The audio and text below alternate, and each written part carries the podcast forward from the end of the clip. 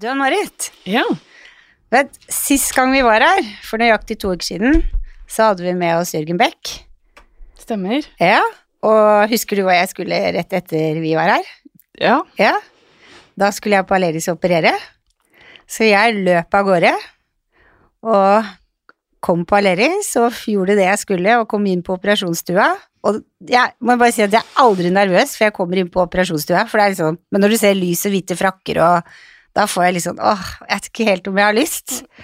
Og det tror jeg de skjønte, så når jeg ble lagt på bordet da, så kom sykepleieren og holdt meg i hånda, og så kommer legen inn, og så sier han, du Renate, skal gifte meg om to uker. Hva syns du jeg skal gjøre med håret mitt? Vi hadde jo akkurat snakka med Jørgen Beck, som er veldig opptatt av tekstur og litt ujevne linjer, ikke sant? Så jeg bare, vet du hva? Jeg syns du skal gå for litt ujevne linjer, ikke være så streit, få inn litt tekstur. Så sier jeg, har du noe bra frisør, eller? Han bare, ja, ja, jeg har bestilt time i dag rett ned i gata her, så sier jeg, å, på 27? Ja, sa han, jeg skal til en frisør, han har klippet meg noen år nå. Jørgen Beck heter han. Nei! Ja, du, det var så gøy. Og under hele operasjonen så snakka vi bare hår, så jeg glemte å være redd. Jeg var ikke stressa, ingenting. Fantastisk. Ja, og det er det som er så fint med hår, det er så avledende. Du får snakke om noe som interesserer deg, i stedet for å ligge med hjertebank og være redd. Ja. Du, hva er oddsen? Hæ? Ja, og enda bedre, når jeg var der og tok stingene, så fikk jeg jo se den ferdig. Ja, åssen ble det? Han var kjempefin. Han var liksom ikke sånn streit. Ja. Skikkelig fin fyr. På håret.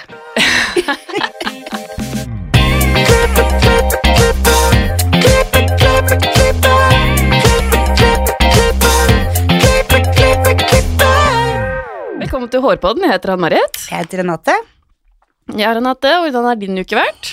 Du, min uke har vært veldig fin, og så har jeg reflektert litt over hvor hyggelig det er å være frisør, fordi jeg har to kunder som har vært alvorlig syke, og da har jeg møtt dem på fritida har vært og plukka ut parykker til de, og klippet parykkene, og hjulpet dem med produkter, og, og det har vært så hyggelig å gi det lille ekstra, hvor jeg, hun ene ga meg blomster helt unødvendig, for det er gøy bare å se hvor fornøyd de blir. Var det venninner eller kunder? Det er kunder. Ja. Og så hadde jeg en annen kunde som hun lever med kreft, men eh, sku, var litt usikker og litt sånn trøtt den dagen. Så tenkte jeg har litt ekstra tid, jeg tror jeg krøller håret hennes litt, jeg er litt ekstra i dag. Prata mye med, og da var hun så fornøyd at hun ville på hagefest. Ja, men det er det som er fint med frisør, hvis man bare legger inn litt ekstra. Mhm. Litt sjela di i det. Ja, Ja. bare vis litt omsorg, så det, det som ikke betyr noe for deg, kan bety masse for den som sitter i stolen. Mm, definitivt. Ja. Ja. Ja. Bonusuke. Bonusuke, rett og og ja. slett. Da føler jeg meg snill, da, vet du. Ja, det men er er beste det, følelsen. Din dukke, da? Uh, jeg er uh, i Instabobla. Ja. Det har du kanskje lagt merke til? Ja. Det har jeg hørt og lagt merke til. Ja, uh, for at når jeg først liksom begynner å gjøre noe, så går jeg litt all in. Ja. Og det jeg liksom har merka med det, er at det, eh, det å poste er veldig kreativt. Å få liksom lov å være kreativ på en litt annen måte. Det er jo selvfølgelig hår som blir posta, Mm. men liksom jeg går liksom konstant rundt og tenker hvordan kan jeg vise dette her, hvordan kan jeg liksom få fram dette på en litt annen måte, hvordan kan jeg klippe det sammen til at det blir spennende. Nei, det er skikkelig i den bobla der. Det er Mm. kjempegøy. Kreativ på en annen måte. ja. Mm. Det å være kreativ med Instagram, det er jo også en del av jobben din. Ja, ja, Og du har jo også tatt et studie, ja. så du får brukt det. Ja, men det har tatt litt tid, da. Det er jo lenge siden jeg gikk den skolen. Eller, det er et år siden. Ja. Men eh, jeg visste at når du først begynner med det her, så må du jo Det tar litt tid. Du har fått et spark. Du Fått et spark, ja. Men så går det jo lettere og lettere. Ja, Ja, og så går det jo lettere og lettere jo oftere du gjør det, da. Som med alt annet i livet. Så du har fått en Vigotski, altså. Blitt tuppa ut av ringen din. Ja. ja. Mhm. Herlig. -hmm. Men vi har jo med oss en gjest i dag, vi. Og dagens gjest er en veldig engasjert frisør med hjerte for bransjen, både i det politiske og i konkurransemiljøet. Hun driver også salongen Petitfrisørene, som nylig hadde 50-årsjubileum. Denne dama gleder vi oss til å bli mer kjent med. Velkommen til oss, Randi Eriksen. Ja, tusen takk. Gratulerer med jubileum. Ja, takk. Det er Herlighet. jo to år siden nå, men det var midt i pandemien, så vi fikk ikke feiret det sånn. Vi, Ah. Det var 1970 jeg startet første salong. Så du har salongen din 52 år. Ja, den er vel det, da. Ja, Ja. gøy. Mm. Fikk du ikke feira i det hele tatt? Nei, vi hadde jo, jeg hadde jo leid uh, Sandvika Teater for å lage et kjempestort show, som jeg bruker å gjøre ofte når det har vært noe, ja.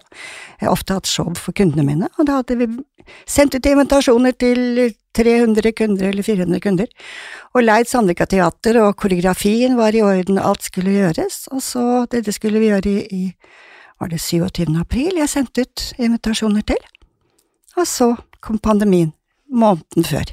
Å, fy søren.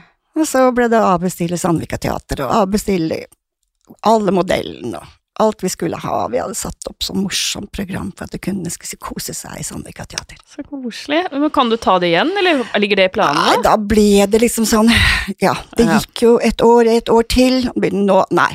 Det krever veldig, veldig mye å lage show for kunder. Jeg har gjort det i alle år, mm, lagd masse show for kunder, eller også for andre, for, også frisører.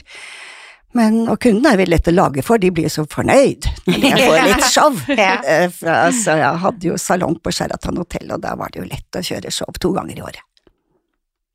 Det er virkelig det lille ekstra, da. Det er liksom det store ekstra. Kundene ventet på det. Ja, Ja, de gjør det. hver eneste år når vi kom på show, så ventet de at to ganger i året skulle det være show, og vi hadde masse, mange gode konferansierer. Vi hadde Toppen Beck, og vi hadde Finn Schjøll, og vi hadde mange. Lagde Wow. store show. Morsomt. For kundene. Ja. Mm. For deg òg. For oss òg. Ja. Hadde vi kunnet kommet dit hvis du hadde arrangert Selvfølgelig. Ja. Vi inviterte alltid kunder, men vi inviterte også leverandørene våre og gode venner og sånn. Men ja. det var vi, dette var når vi laget for våre kunder, da, eller for våre gjester. Jeg har lagd show for frisører også, men de forlanger jo mye, mye mer.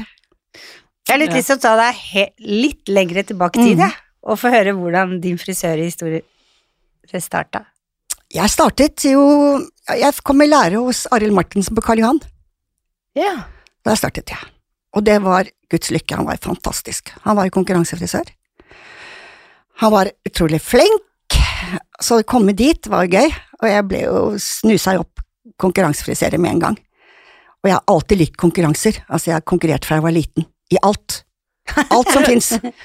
Og det har vært kunstløp, og det har vært løping fort, hoppe høyt. Eh, Jeg rir jo, jeg har jo hest, jeg rir, jeg har løp på Øvrevoll, jeg har konkurrert i sprang og dressur, jeg har alltid konkurrert. Så det er det morsomste jeg vet. Så når jeg begynte med konkurransefrisering, så var det helt naturlig. Her skal vi konkurrere. Hva, hva konkurrerte de? Eh, Du tenker på frisering? Ja. Ja, den gangen var det jo vask og opprulling. Altså, vi, vi hadde vi rullet opp hår og friserte, og vi skulle frisere ut på syv minutter, ikke sant? Så vi rullet opp hår, da, spesielle frisyrer, det er vanskelig å forklare om det nå, men det var eh, vask og legg, eh, og, og klippningen kom etter hvert. Men det var oppsetninger og litt, annen, litt annet enn det er i dag, men eh, utrolig morsomt. Du ble jo veldig dyktig frisør, da. Altså, du blir jo Du strekker deg litt ekstra, Mm. så det er helt sikkert morsomt. Hvor lenge konkurrerte du? Nei, altså, jeg konkurrerte selv som frisør. Ehm, jeg ga meg vel sånn Altså, det er så mm, lang historie, dette her, for jeg begynte jo salongen hjemme hos mine foreldre i 1970, på Jungskollen. Det var ikke en stor salong, det var en bitte liten salong, hvor jeg sto helt alene. Jeg hadde ikke lov av ansatte, for jeg lå i villastrøk. Så jeg sto alene i 15 år, øh, og, og var, ble jo oldermann i lauget i Sandvika samtidig. Og, men jeg sto alene i salongen, men jeg var med i noe som heter Comme il faut, som var en frisørklubb. Og det var veldig mye konkurranser der, så når vi kom inn der, så ble jeg veldig grepet av konkurranser og ble kjent med mange andre kollegaer. Og vi reiste jo hver eneste vår til Sasun i en uke, hver eneste vår reiste vi en gjeng til Sasun og bodde i London en uke hver eneste vår. Kjempegøy. Det var kommet få. Og det var også konkurranse. Vi reiste til Danmark, konkurrerte med, med danskene, og til Sverige og konkurrerte med svenskene og det nordiske. Hvem, hvem var det som var i det konkurransemiljøet da? Ja, hva Merete blant annet, Vigdis, eh, Jan Martinsen, ehm, flere av disse, jo, eh, selvfølgelig Alf Johan Fjell, Mm. Alf Andersen, alle disse gamle gutta. Så det var en veldig fin en gjeng, da. gjeng. Ja, veldig bra gjeng, og veldig morsomt. Så vi konkurrerte jo i mange år, og så um, ja, så ble det vel sånn at jeg syntes at jeg måtte få med Jeg fikk mine første ansatte etter 15 år alene på Jungskollen, så startet jeg salong på Sheraton hotell i Sandvika. Og da fikk jeg min første ansatte. Da tenkte jeg at nå må de konkurrere, de òg. og så hadde vi tidligere hatt norgesmesterskap, foregikk jo alltid i en eller annen idrettshall. Sandefjord, Hamar eller noe sånt. Og så tenkte jeg nei, vi må gjøre det mer nasjonalt, internasjonalt. Og da hadde jeg flyttet til Sheraton, og da ligger Inforama ved siden av. Og da fikk jeg avtale med Inforama at vi skulle ha norgesmesterskap på Inforama. Første gang vi hadde et stort arrangement med norgesmesterskap. Og da var jeg oldemann i Bærum og sto for arrangementet sammen med, og jeg fikk med meg leverandørene, både Loreal og Schwarzkopf og alle sammen, de lagde første gang vi lagde stands på NM. Det var gøy å få være med helt fra starten. Ja, kjempegøy! Herlighet. Det er kjempegøy, og vi startet opp da NM på denne måten, og da hadde vi jo masse forskjellige Masse forskjellige vanlige vask og føn, og vi hadde klipninger, og vi artistisk, og masse forskjellig, og vi hadde mange deltakere. Vi hadde flere hundre deltakere. Og det ble en kjempesuksess på Inforama. Ja.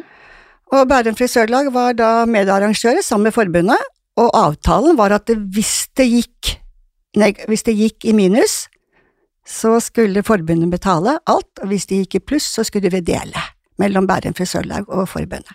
Jøss, det var Og det bra gikk deal. jo første 50 000 kom inn i Bærum frisørlag, vi gikk i overskudd, så det var Ah, morsomt. Og da måten, noen år etterpå så ble det arrangert da på, som vi kjenner hvor det er nå. Ja. Mm. Så det var gøy. Så du har liksom morsomt. vært med, ja, virkelig vært med Jeg har vært med fra starten og startet NM på den måten her nå, ja. Ja. Men sånn som hvis du skal, hvis det kommer noen og skal søke jobb hos deg, er det liksom en sånn naturlig del av deg da som tenker Konkurrerer du? Du vil helst ta de som konkurrerer, eller de du kan påvirke, kanskje? Jeg gjorde jo alltid det før, så Ja. jeg var jo kjent for det sånn rundt omkring at hvis ikke du ville konkurrere, så hadde du ikke noe hos oss å gjøre. Så bra. Jeg vet det var en kjent sånn sak, så, men jentene var veldig på, altså, de konkurrerte, og de fikk reise mye. Etter hvert så har vi fått flere salonger, og jentene har jo vært i ja, de har konkurrert eh, verden rundt, holdt jeg på å si, Amerika, Japan, Korea, de har reist, eh, vi har ja, om de har vært på laget eller ikke laget, så har vi sendt de ut og konkurrert, så de har vært på lærlingmesterskap i utlandet og Ja, så jeg må jo si de har fått masse sjanser, så jeg har veldig dyktige jenter, og mange av de er der enda. Men på en måte en fin ting, da, når du driver med noe, at du kan søke det rette miljøet for å drive det. Ja, og da var det Det har alltid vært veldig morsomt, men jeg merker det nå er det litt tyngre. Litt tyngre å få de til å stå og trene sånn på søndager, det gidder de ikke mer. Og heller ikke på kvelden, det Jeg gjorde vi jo mye og- før. Jeg satt og tenkte på det nå, hva tror du skal til for at eh, vi kan snu den trenden? For jeg veit at det har eh, vært veldig mye mer. Det er vanskelig å si, altså de, de kreative frisyrene er jo, tre, kreves jo veldig, veldig mye trening for å jobbe med. Men de, ja ikke de kreative, men de som man, de som man står og friserer sånn i bitte, bitte små, veldig detaljert, der kreves det mye. Hair by night og alt dette her, det er veldig krevende frisyre. det skal det veldig, veldig mye trening til. Og Jeg har jo to døtre som har konkurrert, og de har brukt mye tid, og hadde det ikke vært døtrene mine, så jeg vet ikke om de hadde fått lov å stå og bruke så mye tid. så, men gjøre litt uh, enklere, morsomme mm, konkurranser, kanskje. Jeg vet liksom, nå sitter ikke akkurat i konkurranseutvalget med, men jeg har gjort det i alle år, og prøvd å funnet ut ting som kan være interessant, kanskje lage lag. Mm. Så at noen, noen gjør det, og noen gjør det. Vi ser jo det at de møter opp, vi så jo på siste NM nå, så var de jo med der hvor de kunne komme med eventuelt dukkehode ferdig frisert og ferdig farget og gjort litt sånn, litt enklere ting. Så jeg vet ikke egentlig, og så fikk vi med Barbie, det fikk vi med for et par år siden, det ble veldig populært, det sa jeg vi må ha med barbererne, Mm. så det ble jo med det òg. Ja, Fading og alt det der er veldig populært. Så jeg finner populære frisyrer, da. Ikke for tungt, men litt raske, kjekke frisyrer. Gjør det mer trendy. Ja. Så for trendy nå for unge frisører, er jo Instagram, og det er Ja. TikTok, og det er Riktig, ja. YouTube. Men trendy er jo Mm. det er Konkurransefrisører kan jo være trendy. Det er jo som de vil. Men jeg tenker å gjøre det til en trend. Altså, det trenger ikke være sånn nymoderne, men at det skal bli en trend å konkurrere. At man skaper et team på Det Det er det folk gjør. Ja. Ja. Det var, det det er mer var det jeg tenker på. Mm. Ja. Ja. Gjøre det til noe kult. Ja. At man får lyst til å gjøre det igjen. Liksom at det å Mm. bruke litt tid, det Mm. er kjempegøy. Ja. Men det er Sorry, det, det er jo ikke Jeg har jo konkurrert selv òg, jeg hadde jo Mm. aldri lært så mye som det jeg har gjort på de åra der. som å gjøre en quick fix, Mm. liksom, hvis Mm. jeg kan kategorisere det sånn, da. Mm. Så hva er det man er ute etter? Jeg sier jo alltid når du konkurrerer, så blir, er det en ting som skjer, du blir bedre frisør. Ja, Du blir bare bedre. og da må man gjøre det. Det må Ja. være kult å Ja. være en bedre frisør, Ja. og så har man lyst til å Ja, konkurrere. blir- Da har du en trendy ting. Du Ja. blir Ja. bedre. Det er Sant. det jeg tenker på. Ja, ja, ja, jeg skjønte hva du mente, Men Renate. vi, vi hadde jo en utfordring også når Jeg vet ikke om jeg Jeg, jeg satt jo som artistisk leder i Intercoiffeur. Ja.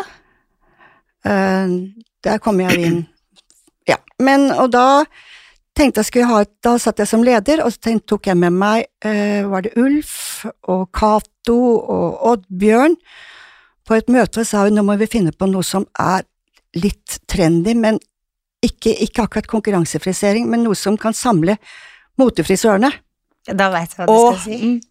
konkurransefrisørene Mm. i én ting. Og da satt vi på en restaurant i Bogstadveien, og da sa vi må lage Hairdresser of the Year. Mm.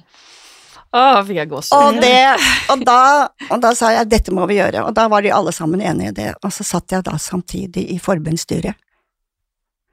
Ja. Så det var eh, enkelt for meg da å ta med meg ideen til forbundsstyret, og få, den, få, den, få de til å tenne på det. Og så var Årets frisør i gang. Fantastisk. Når var dette her? Eh, 2000 måtte det være. Det var i hvert fall jeg, å, Ikke spør meg om dato, jeg syns det går så fort for tiden. Plutselig er vi i 2022, og jeg har ikke ant at, det, at vi er kommet over 2000 engang, så jeg eh, Ja, det, det, det må vi kunne finne ut av. 2000 Ja, nå er det gjort om på, på Årets frisør, da. Men det var jo veldig, veldig morsomt å være med og lage, sette i gang sammen med Cato og Ulf og Oddbjørn og Kirstine Arnesen og hele den gjengen der. Det er årets begivenhet. Det Ja. det er liksom noe du Ja. stort ser fram til. Ja. Rød løper Ja. og okay. på riktig klær og hvordan skal håret være og Altså, vi gjorde det for å få et samarbeid mellom konkurransefrisørene og, og motes, de som kalte seg motefrisører, da. Så vi jobbet sammen, og det var takket være at vi hadde Intercoiffeur som vi også kunne jobbe sammen på. Mhm. Det er jo fortsatt like populært i dag som det Mm. det var da. Det er liksom noe som ikke går av moten. Årets frisør? Mm. Ja, årets frisør, Ja, ja, ja, ja. Det er keen, det er gøy å være der. Mm. Jeg føler jo det nå, at nå sitter jeg litt mer sånn, ja.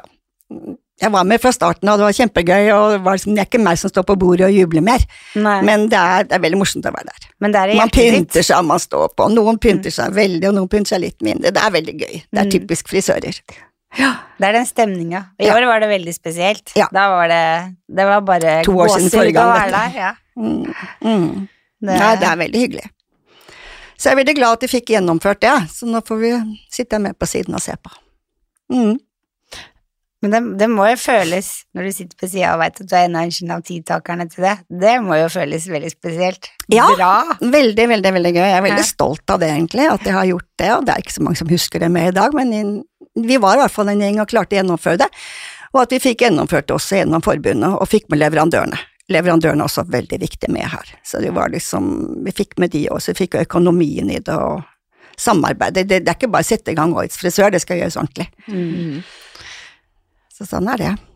Men du er jo med i Intercoffel, er, du- er du det fortsatt? Ja, ja. Ja.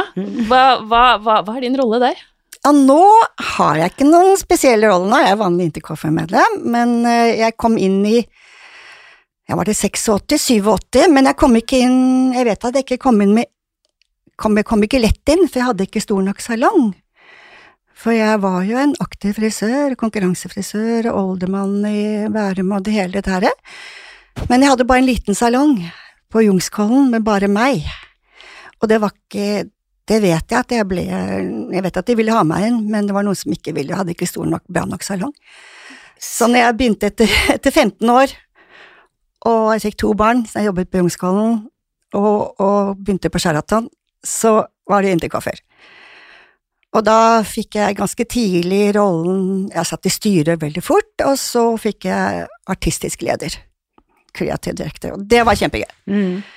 Da fikk jeg oppleve mye. Masse reiser rundt omkring i verden og lage verdensshow. Jeg var i New York og var i, var i Korea, var i Frankrike to ganger i året, ikke sant, for å enten lage fotosession eller, eller noe annet. Var i Berlin, lagde show Nei, altså, jeg har reist jorden rundt med showet min til coiffør, så det har vært utrolig morsomt og utrolig lærerikt og ja. Gjør Intercoffee det fortsatt, eller Ja, minus de pandemiåret? verdenskongressene har vi, ja da. Vi Ja. har jo artistiske ledere. Uh, Ulf overtok etter meg, og så var det Morten som overtok etter Ulf, og nå er det vel Svetlana som er ja. artistisk. Så det er en veldig, veldig morsom del å være i, men vi var jo veldig få til å begynne med i Intercoffee. Hvor mange? Ah, var vi 30? Hvor mange er dere nå? Ah, snart 100, tror jeg.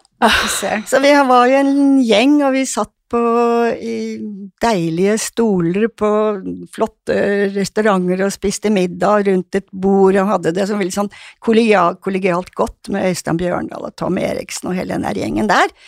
Alle kjente alle, og vi var sammen rundt middagsbord, var liksom noe annet. Så det var en veldig fin gjeng, den er blitt større, men det er en veldig koselig gjeng ennå. Ja, for dette her er jo en gjeng med konkurrenter, egentlig, som er samla. Ja. Men det føles ikke ut som det når dere samles. Nei, altså vi er veldig Hvis man trenger noe, så hjelper vi hverandre alle sammen. Vi har veldig god kollegi kollegialt samarbeid.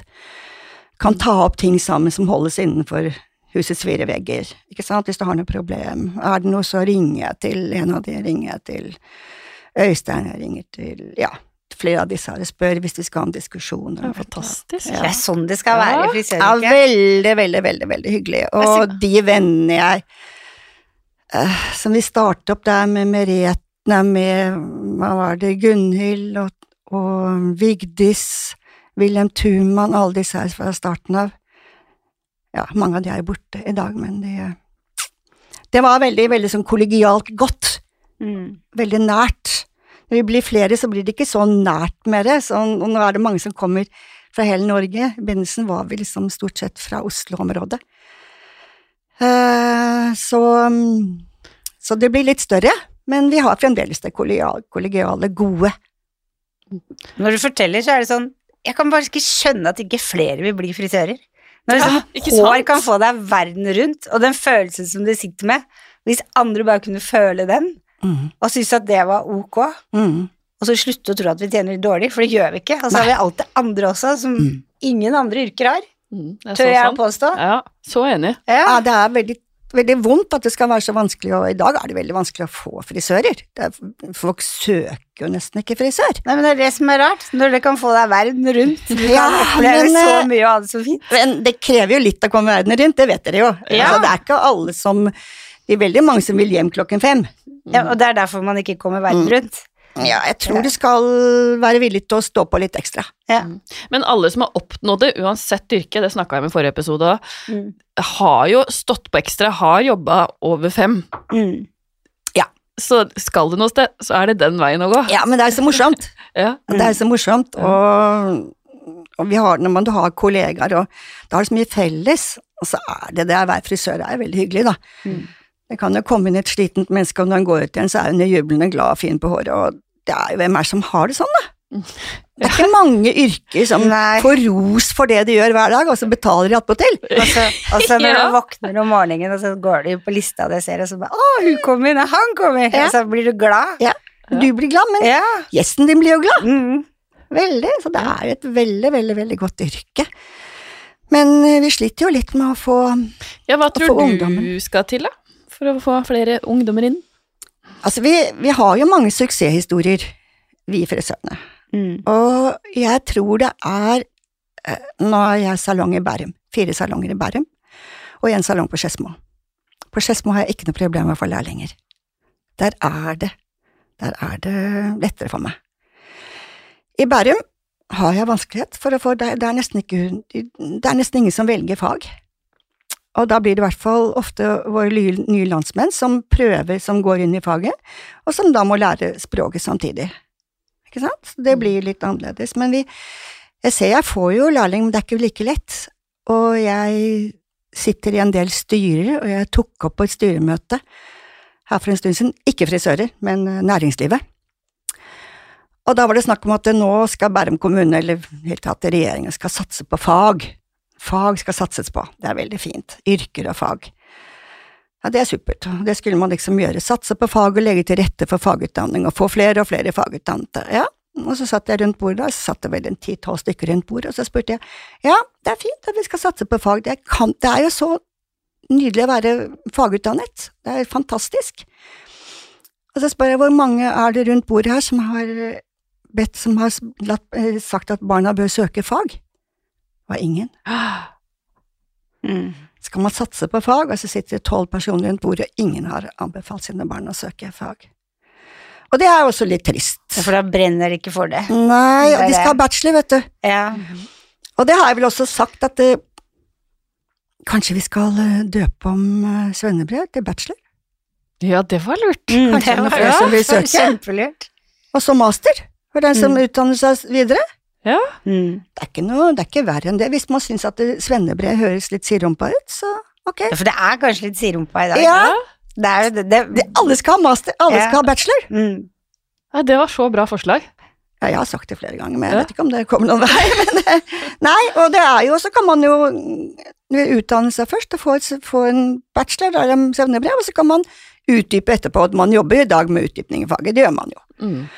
At man kan gå videre og, og Mesterbrevet blir en master. Ja, ja mesterbrevet, det er, jo, flere det er jo administrasjon og, Ja. og, og økonomi og alt. Ja, men tenk hvis man putter mer ting inn i det, Mm. Ja da, kan så blir, en kan det bli en master. Jeg tror nok kanskje, jeg vet ikke. Jeg vet ikke om det er så lett å gjøre det, men det er vel Men det er det der med at man jobber om kvelden, ikke sant? Eh, De jobber til man mye, mye salonger i senteret, det har vi òg. Oppe klokka åtte om kvelden, vet du. Det er men føler du ikke eh, at eh, kundene, i hvert fall nå etter pandemien, kommer litt mer på dagtid òg? Hos oss så er det veldig det mye å har det gjøre på vært dagen. Og Ja. Ja, det er, nå. jeg kan komme når du vil, sier de da, for jeg er hjemme, har hjemmekontor. Ja. Mm. Det er noe helt annet, men allikevel, senteret skal være oppe til klokken åtte om ja, kvelden. det blir Ja. en annen ting igjen. Ikke sant? Det er Mm. mange sentre, Ja. og de må holde opp til åtte, de. Ja. De må Men hvis du skal liksom starte, du skal jobbe deg opp kunder, så lønner det seg å jobbe seint. Mm. Og så kan du kanskje, når du har jobba i noen år, få lov til å slutte tidligere, og da har det kommet andre nye som har jobba opp listene sine. Så man kan jo rullere det hele veien og bare ha det som en bonus. Mm. Ja, det er jo det vi håper. Vi ser jo det i salongen, jentene som har vært der i mange år, de jobber når de vil. Ja. Mm. De får den friheten til å velge sin egen hverdag. Ja. Mm. De har barn ofte og vil gjerne ikke jobbe lørdag, ikke jobbe sent og sånn. Men Men, barn de har er jo ikke noe hindring, egentlig, Nei, når det er frisør. tatt. Nei. På ingen måte. Det skulle jeg ha vært, i hvert fall. Ikke du heller. Nei, nei. Jeg fikk to barn, jeg drev alene, og de vokste opp i salongen. Ja. Ja. det var eh, sånn du løste det? Ja, altså jeg hadde de med meg. Ja. Så når jeg fikk Camilla, som er eldste, så var jeg hjemme i 14 dager. Og jeg, jobb, jeg jobbet til samme dag hun var født. Og nummer to, Henriette, hun jobbet også samme dag hun var født, og hun var født 2. desember, og jeg begynte å jobbe igjen lille julaften. Oi. Men jeg tok ungene med på jobb. Jeg Ja. ammet og jobbet og ammet og jobbet. Jeg hadde altså salong, som sagt, underetasje hos mor og fa- Det var ikke noe permisjon i syv måneder. Da hadde jeg ikke hatt noe salong igjen. Nei, ikke sant? Da hadde jeg borte i syv måneder, så hadde jeg ikke vært en kunde, da måtte jeg begynne på nytt igjen. Og jeg hadde jo nei, masse gode kunder, så det kunne jeg ikke, jeg måtte bare jobbe. Nei, men du hadde vel ikke lyst, kanskje heller, Nei. til å bare være borte i ni Nei. måneder? Nei. Nei. Nei.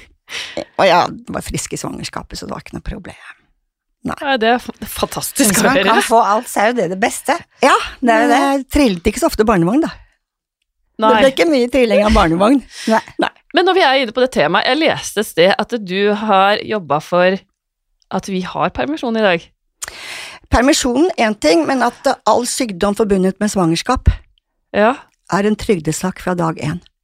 Og det var veldig bra for oss, fordi at når vi står som kvinner, og du blir sykemeldt, sykemeldt, og så, er du, så blir du sykemeldt i 14 dager, må, hvis det er to stykker i salongen, da, så kan den som står igjen, betale lønn til deg som er hjemme, ikke sant, i 14 dager, pluss til seg selv.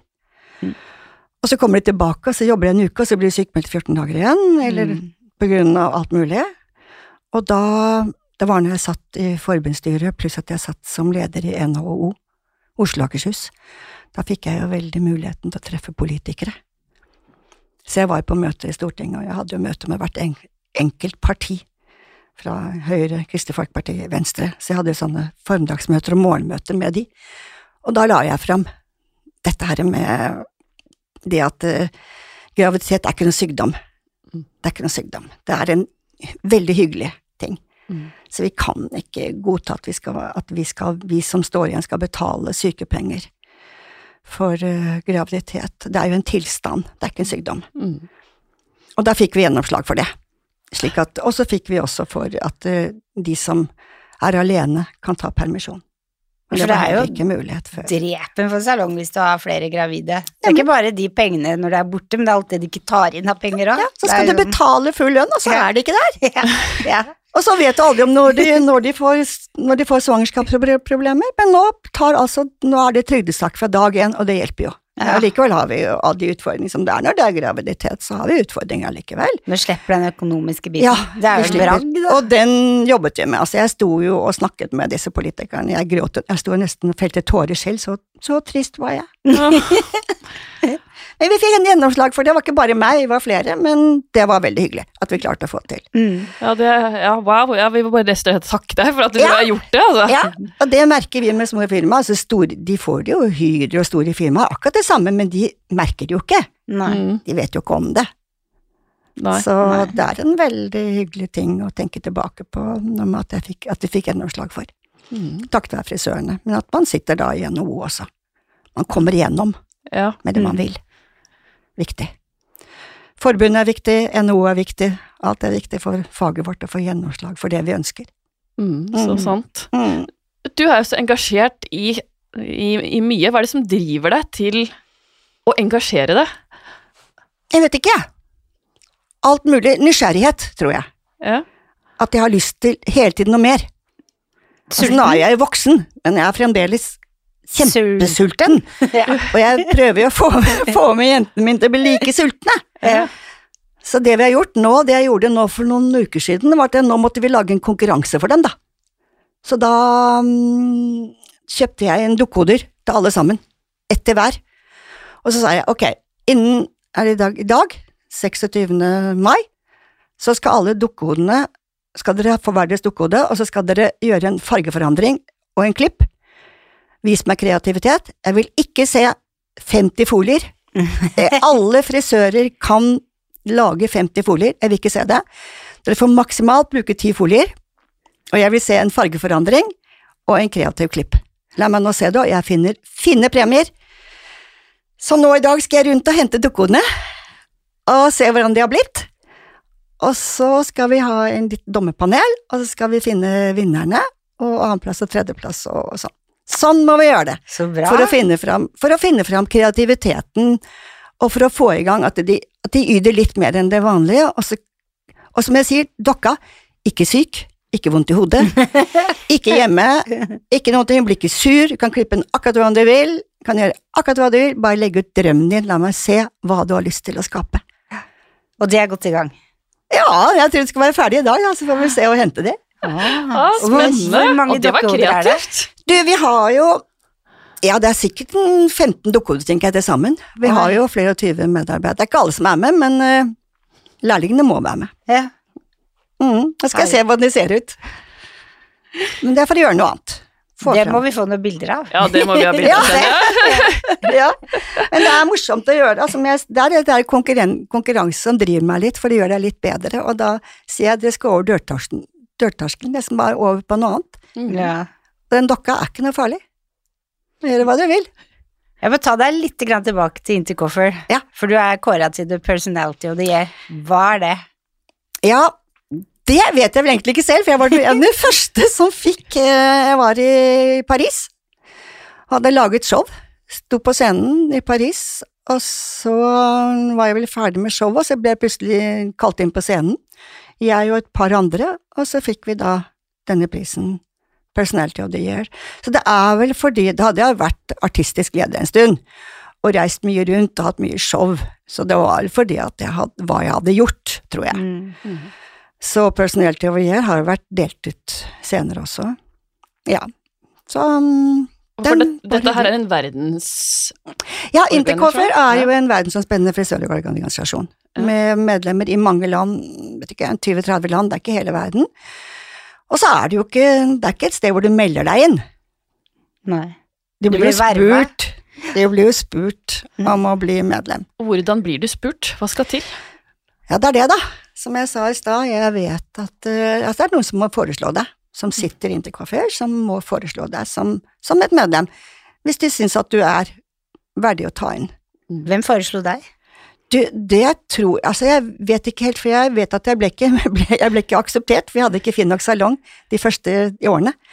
Så jeg måtte starte på Sheraton før jeg kom inn. Men øh, jeg vet at øh, Vigdis, øh, William Thumann, Tutti Dybwad Det var disse jentene her som ville at jeg skulle inn. Mm. Så jeg kom jo inn med veldig glede, det var veldig hyggelig å komme inn. Det var en sånn ære å komme inn Kåfjord. Det jeg vokste opp med det. For Arild Martinsen, som jeg var lærling hos, han var Kåfjord Mm. allerede, så jeg visste jo hva det var. Men jeg visste jo hva det var, at det var noen helt spesielle frisører, og det var liksom litt høyt for meg. Så da jeg kom inn da, så var det veldig gøy. Så det var veldig hyggelig. Mm. Hva er det du engasjerer deg for i dag? Det er vel salongen min og Salongen engasjerer meg, lærlingene engasjerer meg veldig mye. Uh, hundene mine engasjerer meg, hesten min engasjerer meg. Jeg rir jo hver dag, så det er jo mye som engasjerer meg, men driften engasjerer meg. Det der å hele tiden å, å gjøre litt mer, og få til lykkelige medarbeidere og glade kunder. Det engasjerer meg egentlig. Jeg må spørre, hvordan får du tid til alt? Vet ikke, jeg. Tar deg tid til alt. Ja, ta meg tid til Ja, det. det er det det du, du får jo ikke tid til noe, du, du tar deg tid. Du gjør det du har lyst til. Mm. Jeg starter morgenen ofte med å gå dra og ri, og så kommer jeg hjem, og så dusjer og så pynter jeg meg for å gå på jobben. Jeg liker det. Åh, jeg òg. Ja, jeg liker pynter meg hjemme, er klar til å gå på jobben, så jobber jeg. Og så deler jeg meg litt på de forskjellige sangene. Jeg står ikke i salongen med 20 kunder mer, det gjør jeg ikke. Nei. Men, eh, og så går jeg tur med hundene på ettermiddagen, og tiden, den, ja, jeg bare har den. Og så har jeg en mann som er fantastisk til å, til å gi meg tid og følge meg opp. Mm. Så han sitter med alt regnskap i dag, på fem salonger, så han var, han var ikke det han gjorde fra starten, så det gjør han jo nå. Så det er hyggelig. Og så ble jeg litt nysgjerrig på døtrene dine, er de like engasjerte som deg? Camilla er jo i salongen, Ja. og hun har vært norgesmester og premiert i VM og alt mulig. Har vært konkurransefrisør i alle år, veldig engasjert, veldig flink. Jeg syns hun er flink, virkelig. Hun har vel ikke samme interessen for det politiske som meg, og, og sånn driften, nei. Er kundene, veldig glad i kundene sine og veldig glad i sine medarbeidere eller sine, sitt, sitt team. Eh, men, og hun, Henriette, hun var også frisør, utdannet seg som frisør og vant et norgesmesterskap og var inn, men så er det hester, da. Så hun kjøpte seg gård i Danmark og flyttet dit og har 22 hester på stallen og Wow. er egentlig utdannet frisør, men uh, vil ikke mer. Det er ikke så enkelt å være um, datter til meg og søster til Camilla heller, som var såpass fokusert inn i driften, eller inn i frisørfaget. Men hun var nå frisør og veldig dyktig. Hun jobbet jo som konsulent for Sasun og for L'Oreal med farge, så hun var fargeekspert. Wow. Det kan hun. Mm. Mm. Har du en morsom historie fra karrieren din som du vil dele? Jeg har mange historier. Jeg vet ikke hvor mange jeg kan dele. Det er masse historier, men jeg øh, Jeg vet ikke, jeg, jeg vi hadde, Jeg har en del- en del lærlinger, og så husker jeg at det var en lærling en gang som sto og skulle vaske et hår kunde for meg, og så står hun og vasker, og så skulle hun lurte hun på sikkert på om hun skal ha balsam i håret til kunden. Og så roper hun 'Du, Randi, skal jeg balsamere denne kunden?' Oi! Så det var litt morsomt. Så, ja, nei, men det var liksom misforstått. Og så hadde jeg en annen lærling en gang, så kom hun inn, så hadde hun en konsultasjon på en, eh, på en ung pike, og så sitter hun der, står frisøren bak, og så sier da denne, ledende kunden at hun hadde langt hår, sier hun, du, hvordan tror du jeg ville bli med kort hår? Og så sier denne frisøren, jeg vet ikke, sa han, jeg har aldri sett deg med kort hår. jeg.» så det var liksom sånn, ja, tenkte jeg, det var det. Det er mange morsomme historier. Nei da, det er mange morsomme historier. Ja. Vi har noen faste spørsmål til deg også, vi. Ja. Japp. Har du noen tips til frisører som vil opp og fram? Ja um, Du må i hvert fall stå på. Det er det viktigste. Du må ha lyst til å jobbe med mennesker. Det er viktig. Kreativiteten, den kommer etter hvert. Uh, men du må Du må jo holde deg mm, sterk. Du må ha lyst til å, du må ha lyst til å jobbe med faget. Jeg vet ikke, jeg hadde bare så lyst, jeg. Så jeg vet ikke, jeg tror det er eh, Du må i hvert fall være glad i mennesker, og glad i å skape ting. Det er det viktigste. Tror jeg. Mm. Hva inspirerer deg? Eh, Det inspirerer meg alt det jeg har fått til, og verden videre, og den daglige nysgjerrigheten på at jeg vil videre. Mm. Som jeg sa, jeg skal videre, og hvile på laurbær, alt det jeg har fått av priser og alt dette her, det er det som inspirerer meg liksom, til å tenke at dette har vært et morsomt fag, dette skal vi være videre på. Hvis du kunne forandre på noe med frisørbransjen, hva ville du forandre på? Det er, det er vanskelig å si, det er, det er ikke så lett, jeg, jeg tror i hvert fall at vi må kanskje forandre på Kravene er ikke så mye å forandre på. Svennebrevet må gjøres. Altså, du har faget vårt, vi har det vi skal gjennom når det gjelder. Men eh, kanskje, som jeg sa i stad, døpe om faget. eh, det heter jo designfag nå på VG1. Det heter ikke Ikke sant? Jeg har fått litt nytt der. Mm. Så jeg sa kanskje vi skal gå inn på en bachelor. Jeg, jeg vet ikke. Jeg, jeg Ja. aner ikke om det ville trigge noen. Men Det det er informasjonen videre, det er masse informasjon til menneskene, og virkelig snakke det frem. Vi må snakke frem faget, vi må, må snakke frem yrkene, vi må snakke frem faget. Snakke frem det fantastiske yrket vi har. Mm. Det syns jeg er viktig. Ja, så enig. Ja, Mhm. det er i hvert fall øhm, Jeg prøver det.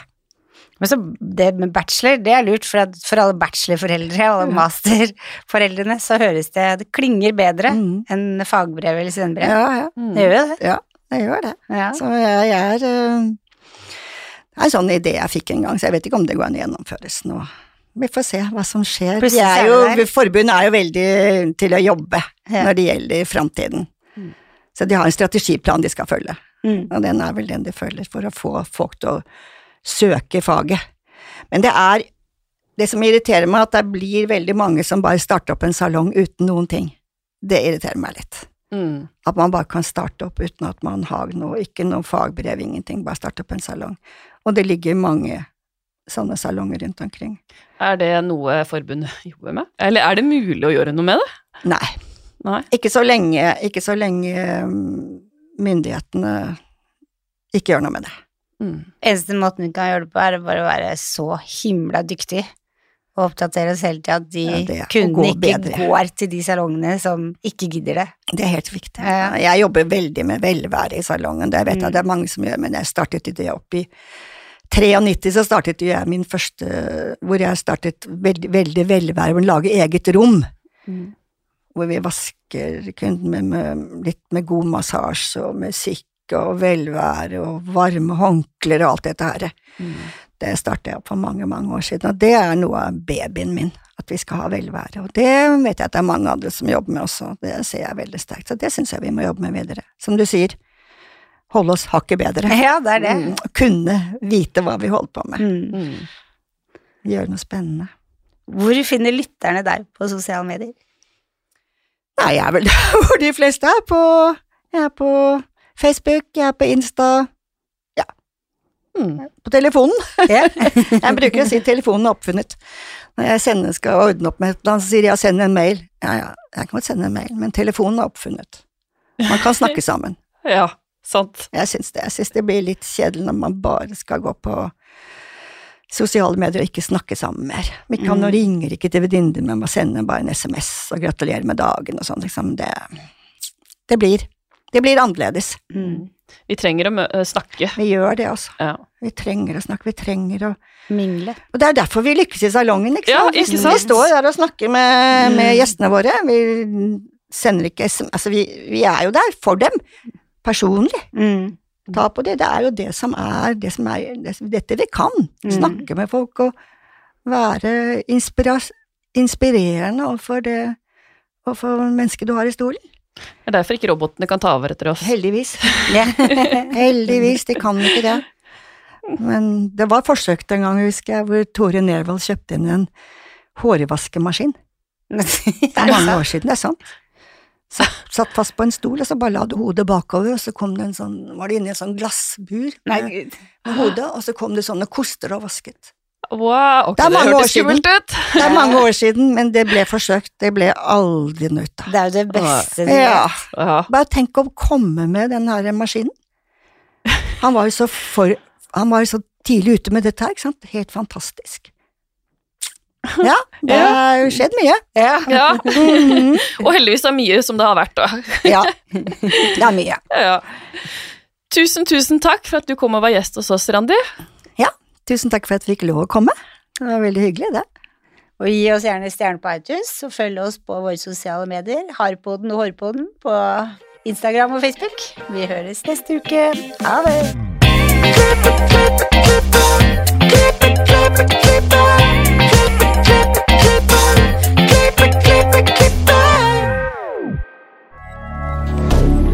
Moderne media. Har du et enkeltpersonforetak eller en liten bedrift? Da er du sikkert lei av å høre meg snakke om hvor enkelt det er med kvitteringer og bilag i fiken, så vi eh, gir oss her, vi. Fordi vi liker enkelt. Fiken superenkelt regnskap.